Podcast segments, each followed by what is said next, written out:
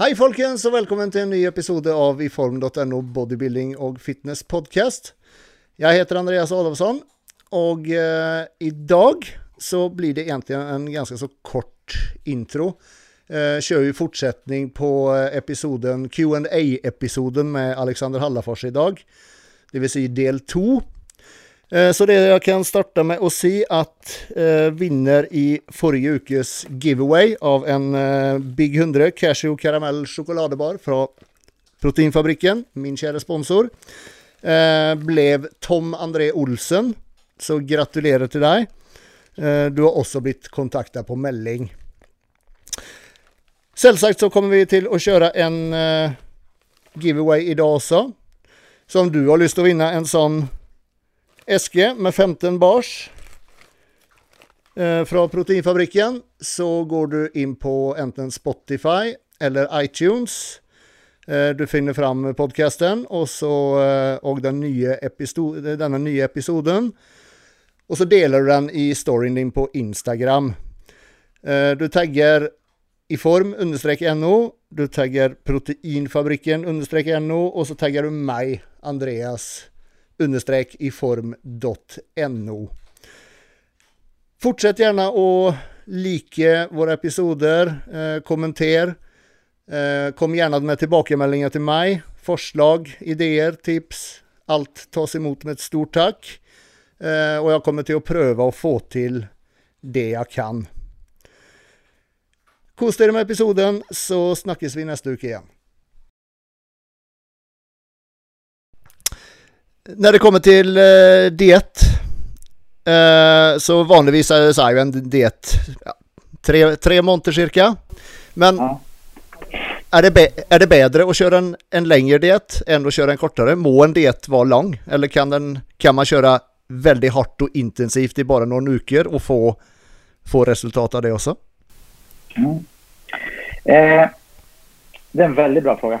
Eh, traditionellt har vi alla fått höra att Eh, ju längre en diet är, ju bättre är det. För desto, ett, desto mindre kaloriunderskott kan vi ha. Alltså desto mer kalorier kan vi äta. Och då som i sin tur då promoterar eh, muskelväxt mer eller då att vi miss, mister så lite muskler som möjligt. Eh, om vi tittar eh, litteraturmässigt, alltså tittar vi på studierna så ser vi att yes, man, tappar, eh, man tappar mindre muskler om man ligger på en lång diet där vi ser till att eh, eh, tappa cirka en procent av kroppsvikt eller liknande per vecka. Så ungefär en, en procent av kroppsvikt per vecka. Så ser vi att håller vi oss i den ramen så tappar vi inte någon särlig muskelmassa. Eh, problemet med det, eh, som jag ser det, det är ju att eh, då kanske du potentiellt har då en diet som är precis tre månader lång. Så säg då vi gör det här väldigt enkelt att eh, det är 12 monter, eller 12 veckor, tre monter. Du ska gå ner eh, 6 kilo, så ett halvt kilo i veckan. Då kan du lägga upp det då enligt den traditionella modellen att du lägger det över tre, tre månader och du går ner ett halvt kilo i veckan. Som då ska göra att du inte tappar någon särskild muskelmassa eller kanske till och med bygger lite muskelmassa beroende på erfarenhet. Eh, för vi har sett att kortare dieter, alltså kortare och hårdare dieter, då, alltså om du ligger på ett större kaloriunderskott, du kanske då dubblar upp det så att du tappar ett kilo i veckan, leder till större muskeltapp. Det som är dock extremt viktigt att vi tänker på, det är att det har bara visats ha ett större muskeltapp i den perioden där du ligger i det aggressiva kaloriunderskottet. Vilket innebär då rent logiskt att om du då i tre månader tappar ett halvt kilo i veckan så kommer du förmodligen inte bygga så mycket muskler. Men om du istället då tar samma period och så samma person men du går väldigt aggressivt på och så tappar du ett kilo i veckan i sex veckor så kanske du tappar mer muskelmassa, ja absolut. Men du har ju fortsatt sex veckor efter det som du kan gå upp på kaloribalans och då lättare lägga på dig mer muskelmassa.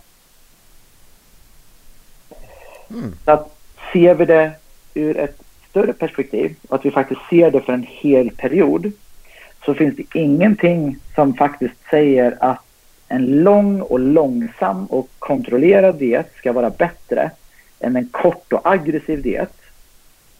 Eh, så länge då den korta och aggressiva dieten är kort så att du har då tid att då bygga muskelmassan efteråt. För att du kommer ju då ha mer tid i energibalans, alltså mer tid att faktiskt bygga muskler efteråt.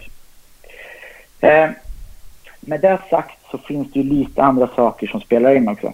Mm, I det att när vi har en väldigt aggressiv diet, eh, så att det finns eh, eh, jag, säga, jag, har lagt upp, jag har lagt upp dieter på, jag har en man nu som är cirka 90 kilo. Eh, han ska ner i vikt och han ligger då på 1300 kalorier. Vilket är ingenting. Åh herregud. Yes. Eh, han ligger på 270 gram protein, 20 gram fett, 20 gram carbs. Så det är då vad vi kallar en protein, protein sparing modifying fast, alltså en PSMS-diet. Eh, det som är, så att, det är så här, han kommer absolut ha ett högre muskeluttag, men alltså, han intar 3 gram protein per kilo kroppsvikt. Eh, vilket är väldigt mycket protein. Han har en volym och en träningsmängd som är väldigt anpassad efter honom och den situationen han ligger i nu med kosten. Så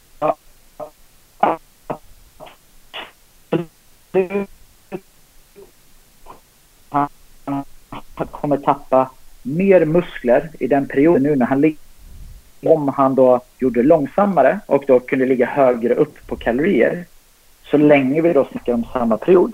Men han kommer ju vara mycket, mycket snabbare färdig att upp i kaloribalans och vi kommer ännu lättare kunna bygga muskler på. Men sagt, det som är väldigt viktigt att tänka på är att när vi går så pass långt eh, ner i kalorier och är så pass aggressiva. Mm. Det är ju det att eh, det är eh, först och främst så är det stentufft för huvudet. Alltså, det är ingenting... Eh, alltså för att man faktiskt ska klara av att göra en sån då, en aggressiv eh, minikatt eller vad vi kallar det. Så behöver du vara extremt säga, onyanserad i kosten. Alltså du behöver vara väldigt objektiv till maten redan från start. Du behöver ha en inställning om att yes, det här är en kort period. Det här är inte ett sätt att leva livet. Det handlar inte om att hålla en hälsosam livsförändring. Det är, liksom, det är inte det vi gör. Eh, allting måste då helt plötsligt planeras runt kosten. Alltså sömn. Eh, vi måste, alltså, precis, sömnen är jätteviktig, även mer viktig. Kommer inte kunna ha en, eh, säga, en social tillvaro. Han kommer vara tvungen att egentligen säga stopp för livet. Eh, han har fyra veckor nu framöver där han kommer ligga väldigt aggressivt. Sen har han en vecka där vi tar det av och sen kommer vi ligga fyra veckor aggressivt igen. Vilket innebär då att han måste vara med i huvudet att han har totalt åtta veckor där hela livet egentligen bara kretsar kring att han måste optimalisera alla parametrar runt omkring, då, runt omkring den här kosten. Eh, så att för folk som, eh, folk som tycker att det är jobbigt att gå på diet eller kaloriunderskott, absolut inte för dem. Eh, personer som inte har någon stor vana av att ligga på aggressiva kaloriunderskott, inte heller någonting för dem. Eh, jag tänkte så här, har man en sambo eller är man gift så är det inte heller någonting för, för den personen. eh, så att det är väldigt, det är, väldigt, eh, väldigt viktigt att vem det är som genomför en sån diet. Det är väldigt mycket mer som spelar in. Men för att svara på frågan. Det finns ingenting som säger att en lång och långsam diet faktiskt ska vara bättre om vi då vi tänker, om vi då rutar in oss lite grann och tänker på muskelmassan, än en kortare och aggressiv diet. Om vi då tar ett steg tillbaka och tittar på hela tänkte, långa samma perioden. Mm. Jag må bara spöra eh, han då på 90 kilo med 1300 kalorier eh, och 8 uker då aggressivt kutt. Hvor, hvor mye regner du med att han kommer gå ner i den perioden då? Eh, vi räknar med att i alla fall att han går ner 8 kilo. Du har ett kilo i veckan. Det som är väldigt viktigt att tänka på också då är att eh, det är väldigt lite kalorier. Men hans eh, aktivitet, alltså hans dagliga aktivitet kommer ju också gå ner. Han kommer, han kommer så att säga anpassa sig efter dieten. Vilket innebär att han kommer ju göra av med mindre energi. Eh, för att då ett kilo i veckan på 1300 kalorier för en man på 90 kilo låter väldigt lite. Eftersom att han hade förmodligen gått ner ett halvt kilo i veckan på kanske 2 500 kalorier. Så nästan dubbla kalorimängden. Så hade han gått ner då faktiskt då bara eh, halva. Så att man tänker då att han borde gått ner väldigt mycket mer när det är så mm. aggressivt. Men vi måste tänka på att hans NEAT, alltså Non-Exercise Activity eh, Thermogenesis, alltså hans vardagsaktivitet kommer också gå ner. Mm. Och anledningen då, så måste jag lägga till lite bakgrund till där, att han gör det så pass hårt, så pass aggressivt nu. Det är också för att han har nio veckor totalt, alltså åtta veckor på det, en vecka i mitten då vi bryter. Han har nio veckor där han är inte, själv. Han har inget jobb han behöver bry sig om. Eh, han har ingen vardags, eh, han har inte ett vardagsliv han behöver bry sig om just i den perioden. Vilket innebär då att han har också ett väldigt mentalt eller kognitivt krävande jobb till vanligt. Vilket innebär att du kör på stenhårt så att han sen då kan ta det lite lugnare när han är tillbaka på jobbet. Mm. Känner. Um, ska vi se. Om eh, en person som då prövar att gå ner, gå ner i vikt, kör massekardio, går icke ner i vikt, ökar kardion ändå mer, men går fortsatt icke ner i vikt. Vad ska man göra då? Ska man öka kardion ändå mer? Eh, nej, då ska man sluta göra cardio, tror jag. Eh, det är så här att det är, det är väldigt vanligt förekommande. Speciellt om vi så då ser på folk på diet och speciellt då inför konkurrenser då och folk som är långt in på dieten, kanske börjar närma sig slutet av en diet. Så om vi tar en sån person som, som nämner som vanlig diet tre månader och vi kanske är på sista månaden på dieten, alltså vi är två tredjedelar in. Eh, det har visat sig att eh, cardio, alltså gå ut och promenera eller ut och springa eller liknande, har sett öka kaloriförbruket eh, då, sett över ett helt dygn och sett över upp till en viss nivå. Det innebär alltså att så länge man, så länge man ligger i en viss nivå av cardio så ser man att den totala kalorimängden eh, är sänkt eller då det totala kaloriförbruket är här uppe. Det är så enkelt. Här uppe ligger det totala kaloriförbruket och sett över en vecka med cardio. Men det är bara med cardio upp till en viss nivå. Så det finns faktiskt studier som har tittat på det här. När vi då når cardio, vi stoppar, alltså vi får inte mer kaloriförlust, alltså vi tappar inte mer vikt trots cardio. Och om man då ökar cardion ännu mer så har man sett då på samma personer att de går inte ner i vikt. Anledningen till det också, det är på grund av den, det begreppet jag pratade om förut, alltså NEAT, Non-Exercise Activity Thermogenesis, alltså den vardagsaktiviteten, mm faktiskt har en tendens till att sjunka om man gör för mycket cardio. Det innebär alltså att om du kör för mycket cardio för hårt så kommer resten, resten av din dygn, eller resten av ditt dygn, alltså kaloriförbruket, resten av tiden kommer gå ner. Vilket då summa summarum i slutet på veckan faktiskt kan leda till att du inte har skaffat dig det underskottet som du, som du faktiskt hade om du låg på ännu mindre cardio. Eh, och det är en vanlig sak man ser, eh, speciellt hos män faktiskt. Mm. Eh, att de sänker kalorierna, pang, ökar upp kardion och så går de ner i vikt. De går ner i vikt, går ner i vikt till en viss punkt. Och sen så går de inte ner i vikt mer. De ökar kardion, men de går fortsatt inte ner i vikt. Så där man faktiskt, eller där jag har gjort i sådana situationer då, det är faktiskt att man kan sänka kardion lite grann och sen så kan man faktiskt temporärt höja kalorierna lite grann. Så säger då att vi sänker kardion lite grann och vi tar bort... Eh, vi sänker kardion med 100 kalorier. Mm. Alltså, eh, vi gör så här. Personen, för ett exempel utav det. Personen ligger på 3000 kalorier totalt som den är av med på dagen. Mm. 500 av de kalorierna kommer från cardio. Vilket innebär att han ligger i 2500 kalorier. Eh, norr, från allting annat så att säga.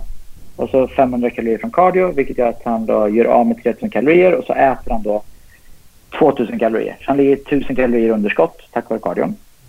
Mm. Och han hade legat då i 500 kalorier underskott om han inte hade gjort cardion. Men så ökar han upp cardion ännu mer.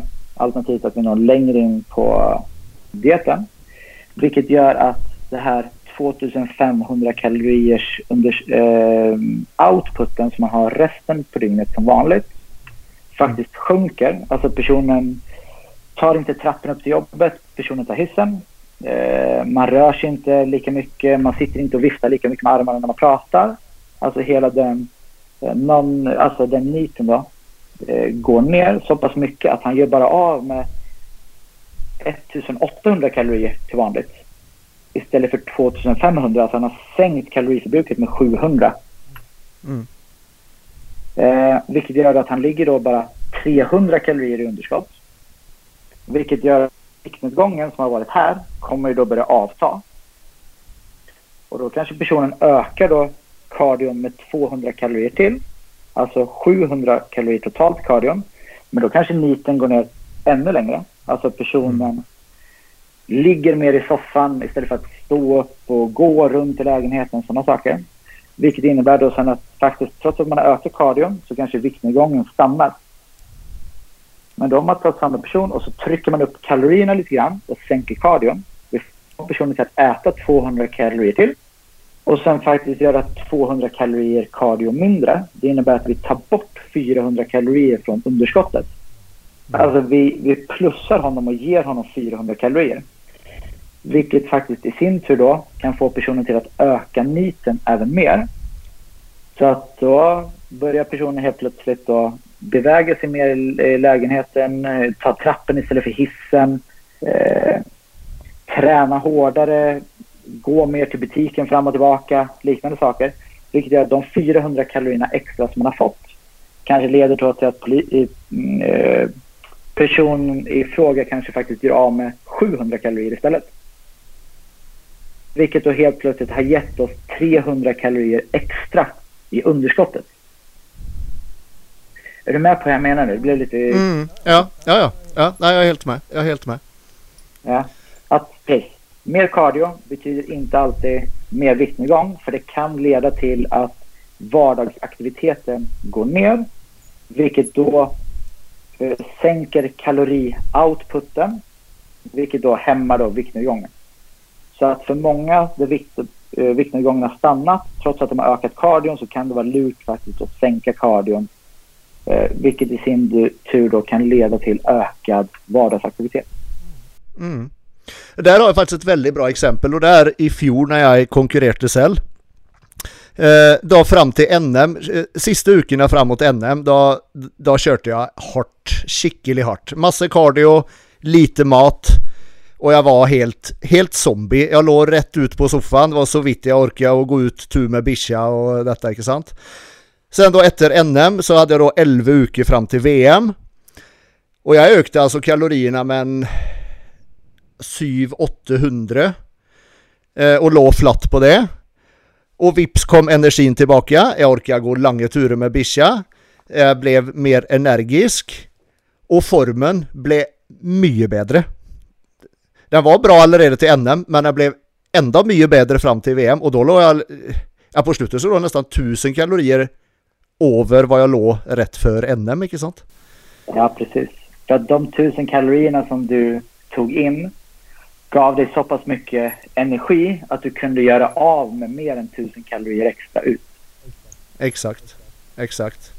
När det kommer till att sätta samman ett kosthåll, vad är den optimala sammansättningen av makros? Och då tänker jag på procent av carbs, protein och fett. När det kommer till att sätta samman då den makrofördelningen. Eh, det första man måste starta med är ju då, säga, enklaste sättet att starta är med proteinmängden. Alltså vi sätter då först att eh, vi ser till att få cirka 2 gram protein per kilo kroppsvikt. Eh, någonstans mellan eh, 1,8 upp till 2,2. Det är inte så mycket, inte så mycket mer vitt att ligga ovanför det. För det ger inte mer effekt. Men eh, så vi säger cirka 2 gram per kilo kroppsvikt. Eh, och sen så när det kommer till då fördelning av eh, fett och carbs optimalt alltså för muskelbyggning och eh, prestation. För då, vi, vi, om vi tänker, vi leker med hypotesen som borde vara ganska logisk att ju bättre prestation, ju mer muskelbyggning.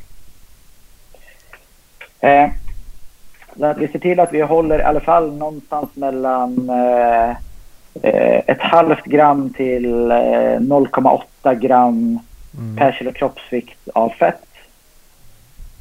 Eh, kvinnor har råd att ligga lite högre. Där kan vi ligga någonstans mellan 0,8 upp till 1,2 i alla fall eh, gram fett per kilo kroppsvikt. Så borde egentligen bara resten av kalorimängden vara, eh, vara kolhydrater.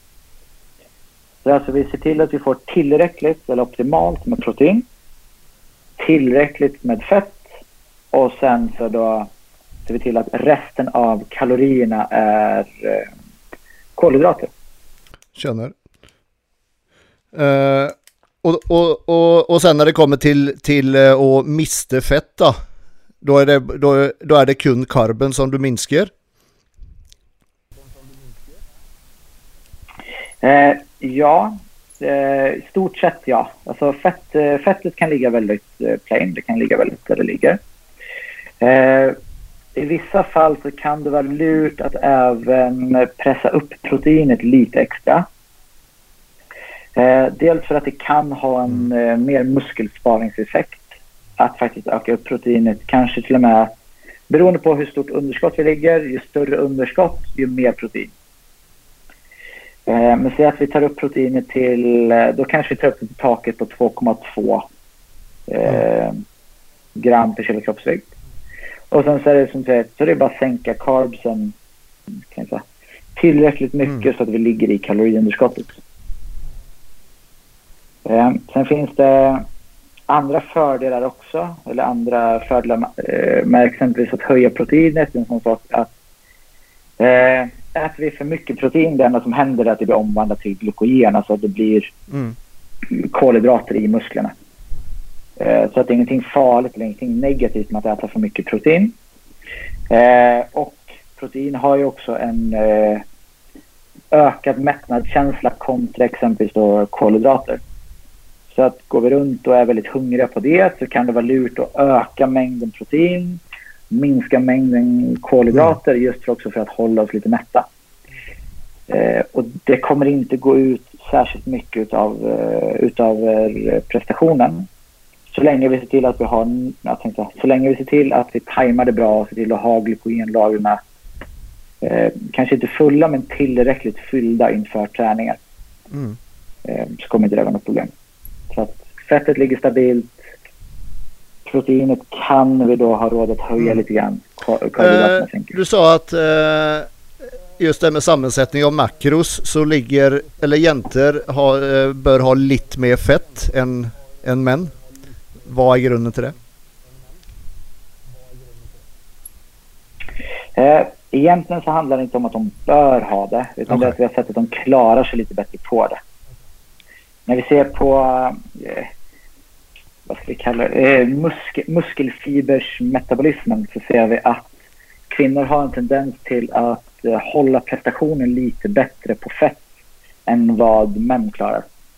Så att eh, fettet, säga, fettet för män, eh, det, vi använder inte det särskilt mycket när det kommer till eh, den fysiska prestationen. Utan fettet är mer bara för att se till att eh, vi har de essentiella fettsyrorna mm. så att hormonproduktion och sånt sker som det ska. Eh, och sen så är det då primärt karbohydraterna som vi brukar. För kvinnor så är det också i styrketräning primärt karbohydrater. Men de är lite effektivare på att hålla en prestation även på fett. Uh, så det är inte det att de bör ligga högre, det är det att de har råd att ligga lite högre. Kan du bara ta det igen? Om du är med på vad jag menar. Kunde du bara tagit det ja. igen för det, det hängde upp sig här. Ja, absolut. Eh, sorry, har du lust att ställa frågan en gång till? Ja, eh, varför eh, jenter med, med, med, högre, med högre fettintag, inte sant? De klarar sig lite bättre på det. Grunden till det. Ja, precis. Eh, eh, kvinnor har en tendens att klara att hålla en prestation lite bättre. Alltså att de är bättre på att utnyttja fett. Eh, när det kommer till då, vad ska kalla det, muskelmetabolism eller muskelfibersmetabolismen. Eh, så att de är bättre på att använda fett som en energikälla även vid styrketräning. Kontra män som inte är särskilt effektiva på att använda fett utan de är bättre på att använda kolhydrater. Mm. Så att eh, för män så vill vi då ha egentligen bara tillräckligt med fett för att eh, tillgodose, alltså eh, vi behöver ha en, eh, essentiella fettsyror för att tillgodose hormonproduktion och liknande. Mer fett är nödvändigtvis inte, det är inte nödvändigt då vi inte, eller inte heller förelagt då vi inte använder fett som en bra proteinkälla till träningen. Mm. Eller sorry, som en bra energikälla till träningen. Eh, Medan kvinnor eh, har en förmåga att eh, använda fettet lite bättre, lite effektivare till, eller som energikälla under träningen. Att eh, kvinnor kan komma undan med att ha ett högre fettintag när det kommer till eh, prestation inom styrketräningen. Mm. Det handlar inte om att de behöver ha ett högre fettintag. Eh, det handlar mer om att de klarar att upprätthålla en, eh, eh, en fysisk prestation Eh, trots då att de har mindre karbohydrater och mer eh, fett i kosten. Okej, okay. känner. Eh, väldigt bra. Eh, när det kommer till det med näringstiming, när man ska spisa vad, liksom för träning, efter träning, resten av dagen. Vad, vad, är, di, vad är dina rekommendationer där? Eh, proteinet eh, har vi sett eh, att vi kan eh, vinna absolut mest på att vi har ett eh, ganska jämnt intag utöver dagen. Eh, ett jämnt intag, det handlar ju om att eh, maximera proteinsyntes och lite sånt där så att vi vill ha någonstans mellan 0,44 gram protein och 0,5 eller ja, lite högre kan säga. Från 0,44 gram protein till 0,54 gram protein per kilo kroppsvikt. Mm. Så ungefär då ett halvt gram per kilo kroppsvikt per servering. Och så då har vi sett att det är fördelaktigt att ha de serveringarna utspritt så mycket som möjligt på dagen. Eh, så mycket som möjligt innebär ju då att eh, om jag då eh, jag väger strax över 90 kilo. Om jag då äter då 45 gram protein per eh, måltid och jag äter runt 2 gram protein per kilo kroppsvikt totalt sett över dagen så blir ju det bara 4-4,5 portion.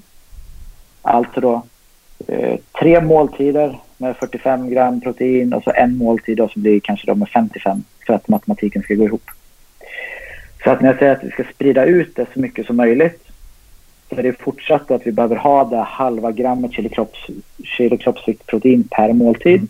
Så att det finns i, absolut ingen fördel med att ha åtta måltider med 20 gram protein kontra fyra måltider med 45 gram protein. Eh, potentiellt så är det bara sämre faktiskt för muskel, muskelväxten. Eh, karbohydraterna, de ser vi som en energikälla till träningen. Så att Eh, det är ju då positivt att placera karbohydraterna runt omkring träningen, alltså där vi vill ha prestationen. Så innan träning, så att vi ser till att vi har energi när vi kommer till träningen. Kanske även under träning i vissa fall, om vi tränar väldigt hårt, för att då återfylla glykogenlager. Och sen efter träningen, för att då maximera återhämtningen, så att vi ser till att vi då sätter igång den direkt. Eh, sen, en stående rekommendation det jag har är att du borde ha, är du på diet i alla fall, så du borde ha runt 70 gram, av, eh, 70 procent av alla karbohydrater från dagens intag runt omkring träningen. Alltså innan, under eller efter. Eh, eller alla tre. Så att du har det där runt omkring för det är där du har som högst utbyte utav det. Mm. Eh, fettet då. Eh, fettet är ju då en energikälla som, som ger energi vilket innebär att eh, vi vill ju då potentiellt ha en fördel av att placera det på de måltiderna där vi kanske inte har några karbohydrater. Exempelvis om jag tränar klockan fyra på eftermiddagen så kommer jag lägga majoriteten av mina karbohydrater runt omkring träningen. Vilket innebär att till frukosten så kommer jag inte ha några karbohydrater. Vilket innebär att det kan potentiellt vara fördelaktigt för mig att ha fettintaget och däromkring. Så att jag har energi eh, utöver dagen så att jag kan genomföra jobbet och sådana saker. Utan att det så att säga, påverkar någonting negativt i träningen. För det ser vi också att eh, upptaget av karbohydrater eh, hämmas om vi äter det tillsammans med fett. Det innebär alltså att om jag vill ladda upp med karbohydrater innan träningen så äter jag då kanske ganska simpla karbohydrater. Eh, jag äter ris eller bröd eller liknande. Om jag då äter fett till den måltiden så kommer då absorberingen, alltså upptaget av de karbohydraterna saktas ner lite grann. Vilket innebär att jag kanske inte har samma utbyte av dem. Alltså jag får inte samma positiva prestations... Eh, eller sam, samma positiva inverkan på prestationen av de karbohydraterna som om jag inte hade ätit fettet. Mm. Så rekommendationen då är att proteinet spritt utöver dagen.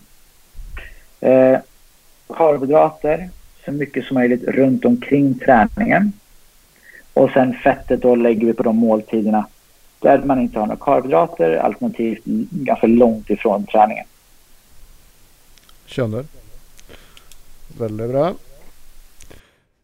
Eh, sen har jag ett spörsmål eh, som är kring då när man är på diet. Så eh, jag i vart fall och jag vet många andra som också benyttar sig av den här så kallade spisedagen.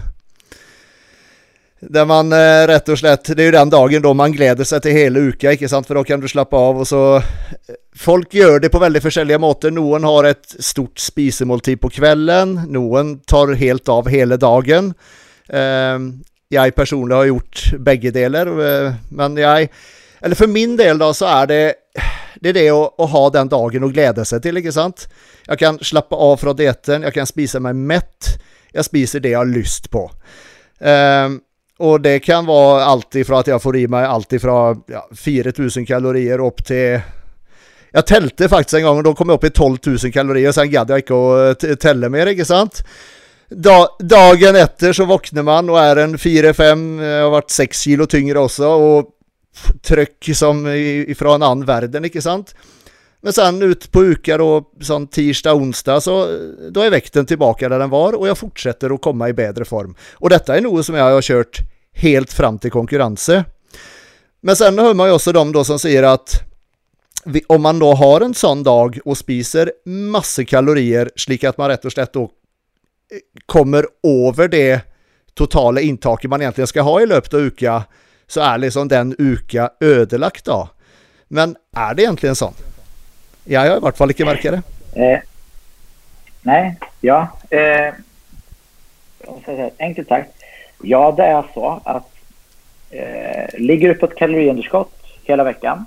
Eh, om man ligger på 1000 kalorier i underskott sex dagar så är det ett underskott på 6000 kalorier.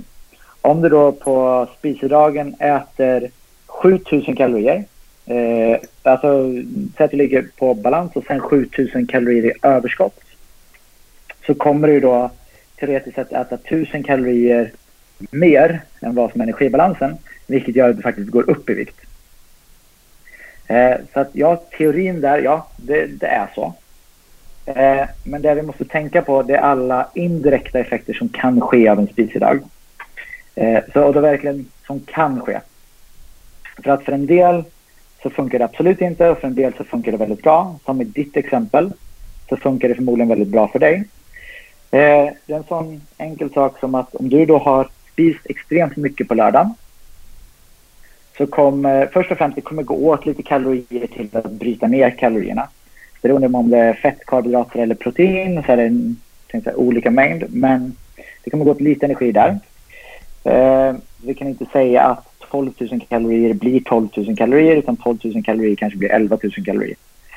Men eh, på det också eh, så är det ju fortsatt totalen sett över en hel vecka som är det som räknas.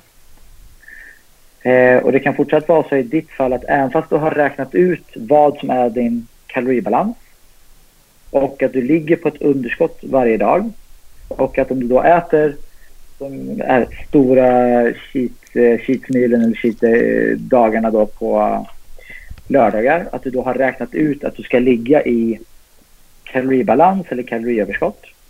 Eh, så kan det faktiskt vara så att du faktiskt genom att äta så pass mycket mat påverkar den här niten som vi har pratat om, alltså vardagsaktiviteten, så pass mycket att ditt kaloriförbruk dagarna efter eller veckan efter faktiskt har gått upp så pass mycket att du fortsatt ligger i ett kaloriunderskott. Så att även då om vi sprider ut det och du har räknat ut att det är 1000 kalorier extra per dag som du äter, mm. vilket gör att du borde ligga i kaloribalans, så kan det faktiskt leda till att du rör dig 1000 kalorier mer. För du vet att de dagarna, har man haft en spisedag på lördagen, eh, så söndag, måndag, tisdag, då är man helt så här, man är helt, man vet inte vad man ska ta vägen för man har liksom, man, man sitter och bara gör allt. Så det kan faktiskt vara så att du då eh, har höjt din, eh, ditt energiförbruk så pass mycket att du då faktiskt sett över en vecka ligger i kaloriunderskott. Mm.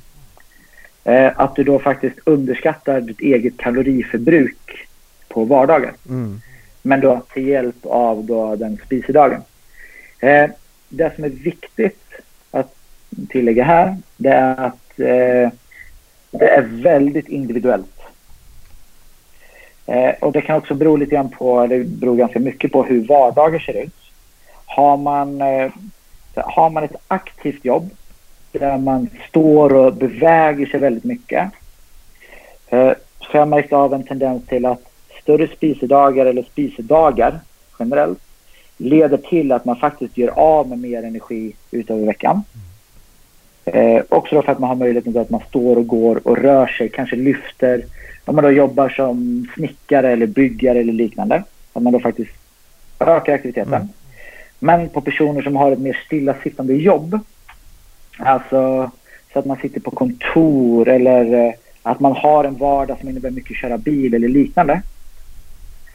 Så, så, har jag, så har jag märkt av mina klienter att där så har man inte den förmågan att faktiskt höja det kaloriförbruket utöver veckan.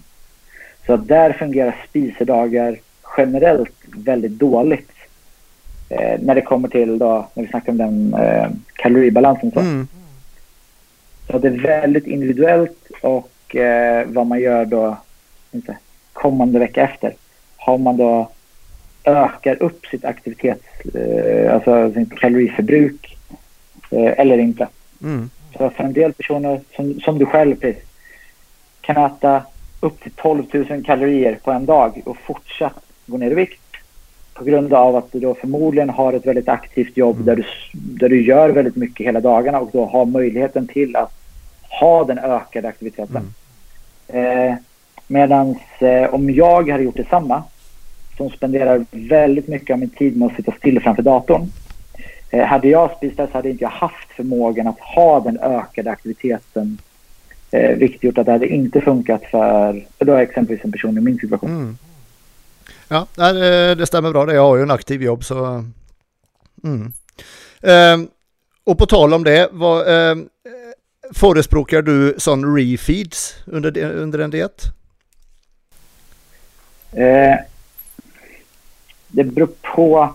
Alltså det, det beror på lite grann vad man lägger i begreppet refeed.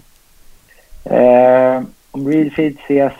Alltså, vi, vi har lite olika anledningar till bakom varför en refeed skulle vara där, rent, eh, rent teoretiskt. Eh, en anledning skulle vara då att, eh, vad ska jag säga, resetta eh, då, eh, metabolska adaptioner. Alltså för det är så att ligger vi på ett kaloriunderskott under en lång tid så kommer kroppen anpassa sig till, eh, till att vi har ett lägre intag av kalorier. Mm. Vilket innebär då att om man då höjer upp kalorierna temporärt så har man då sett att de här processerna blir lite reversade.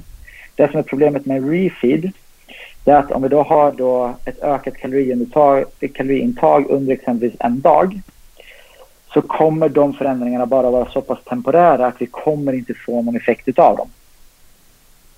Så att om det är målsättningen bakom en refeed så borde man hellre luta sig på diet breaks. Alltså eh, där man då kanske tar en hel vecka istället av från eh, att ligga på kaloriunderskott. Mm.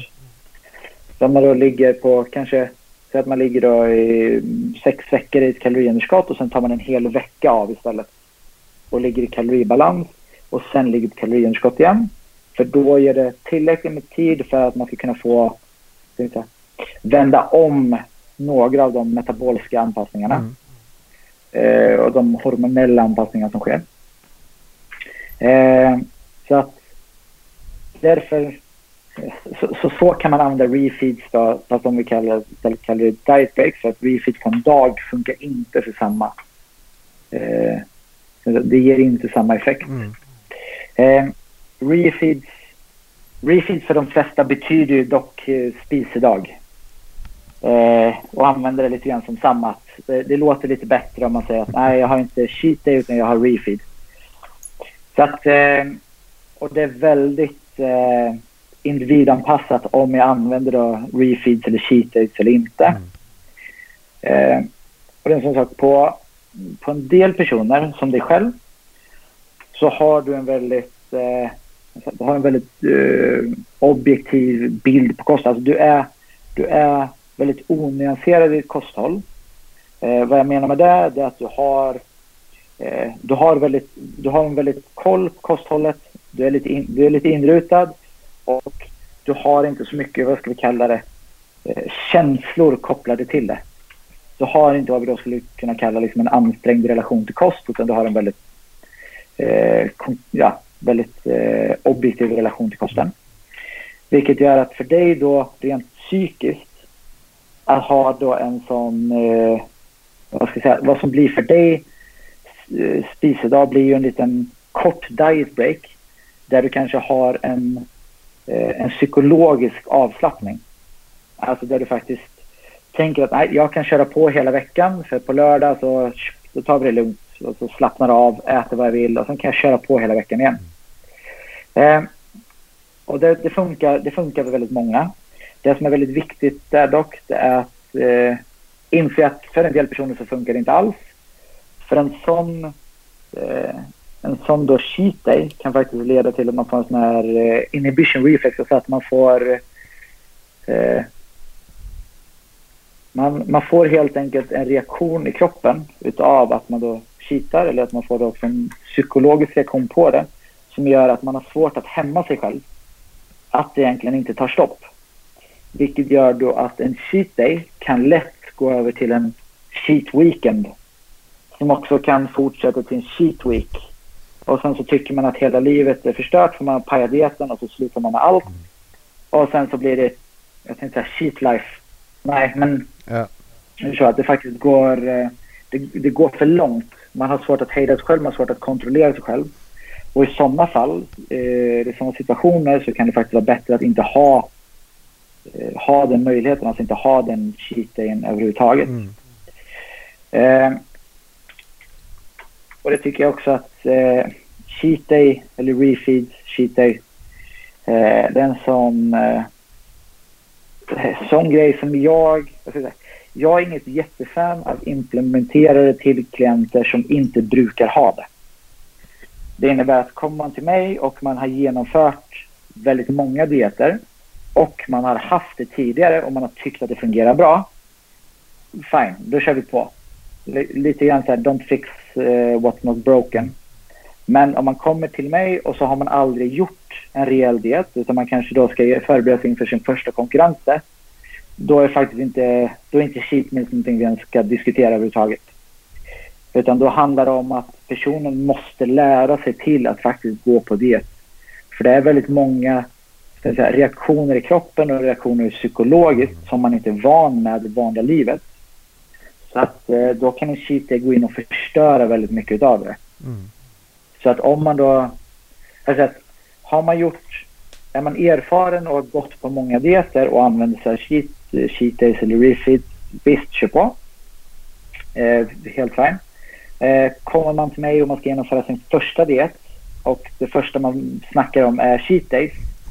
då behöver man ta en, då behöver man ta en, tänkte jag, en ganska hård tankeställare. Eh, för det är liksom, jag vet inte, det kanske låter lite hårt, men har man en målsättning så handlar det om att göra det som ska till för att nå målsättningen också. Vilket innebär att folk säger att de inte klarar sig utan att ha en cheat day. Eh, och då ska jag säga att jo, man klarar sig. Det handlar om att det är lite svårare kanske. Men då kanske man också får eh, vara lite vuxen och inse att eh, i den här perioden jag har framför mig nu så är det ingenting jag ska leva med för alltid. Utan jag har ett bestämt mål, jag har en konkurrens framför mig. Så ser jag till att göra det som ska till i den här konkurrensperioden och så får jag vara lite vuxen och inse att nej, jag kan inte äta hur många Snickers jag vill på lördagar. Mm. Uh, refeeds, det beror på helt enkelt. Ja. Jag kommer till att fortsätta med det i vart fall. För det funkar för mig. ja, precis. Uh, vi har varit på i ja, nästan två timmar här nu. Så jag tror uh, klockan går fort här. Uh, men vi har fått massor massa bra info här uh, och uh, vill väldigt gärna köra, köra fler sådana här question and answer med dig. Absolut, det får vi till.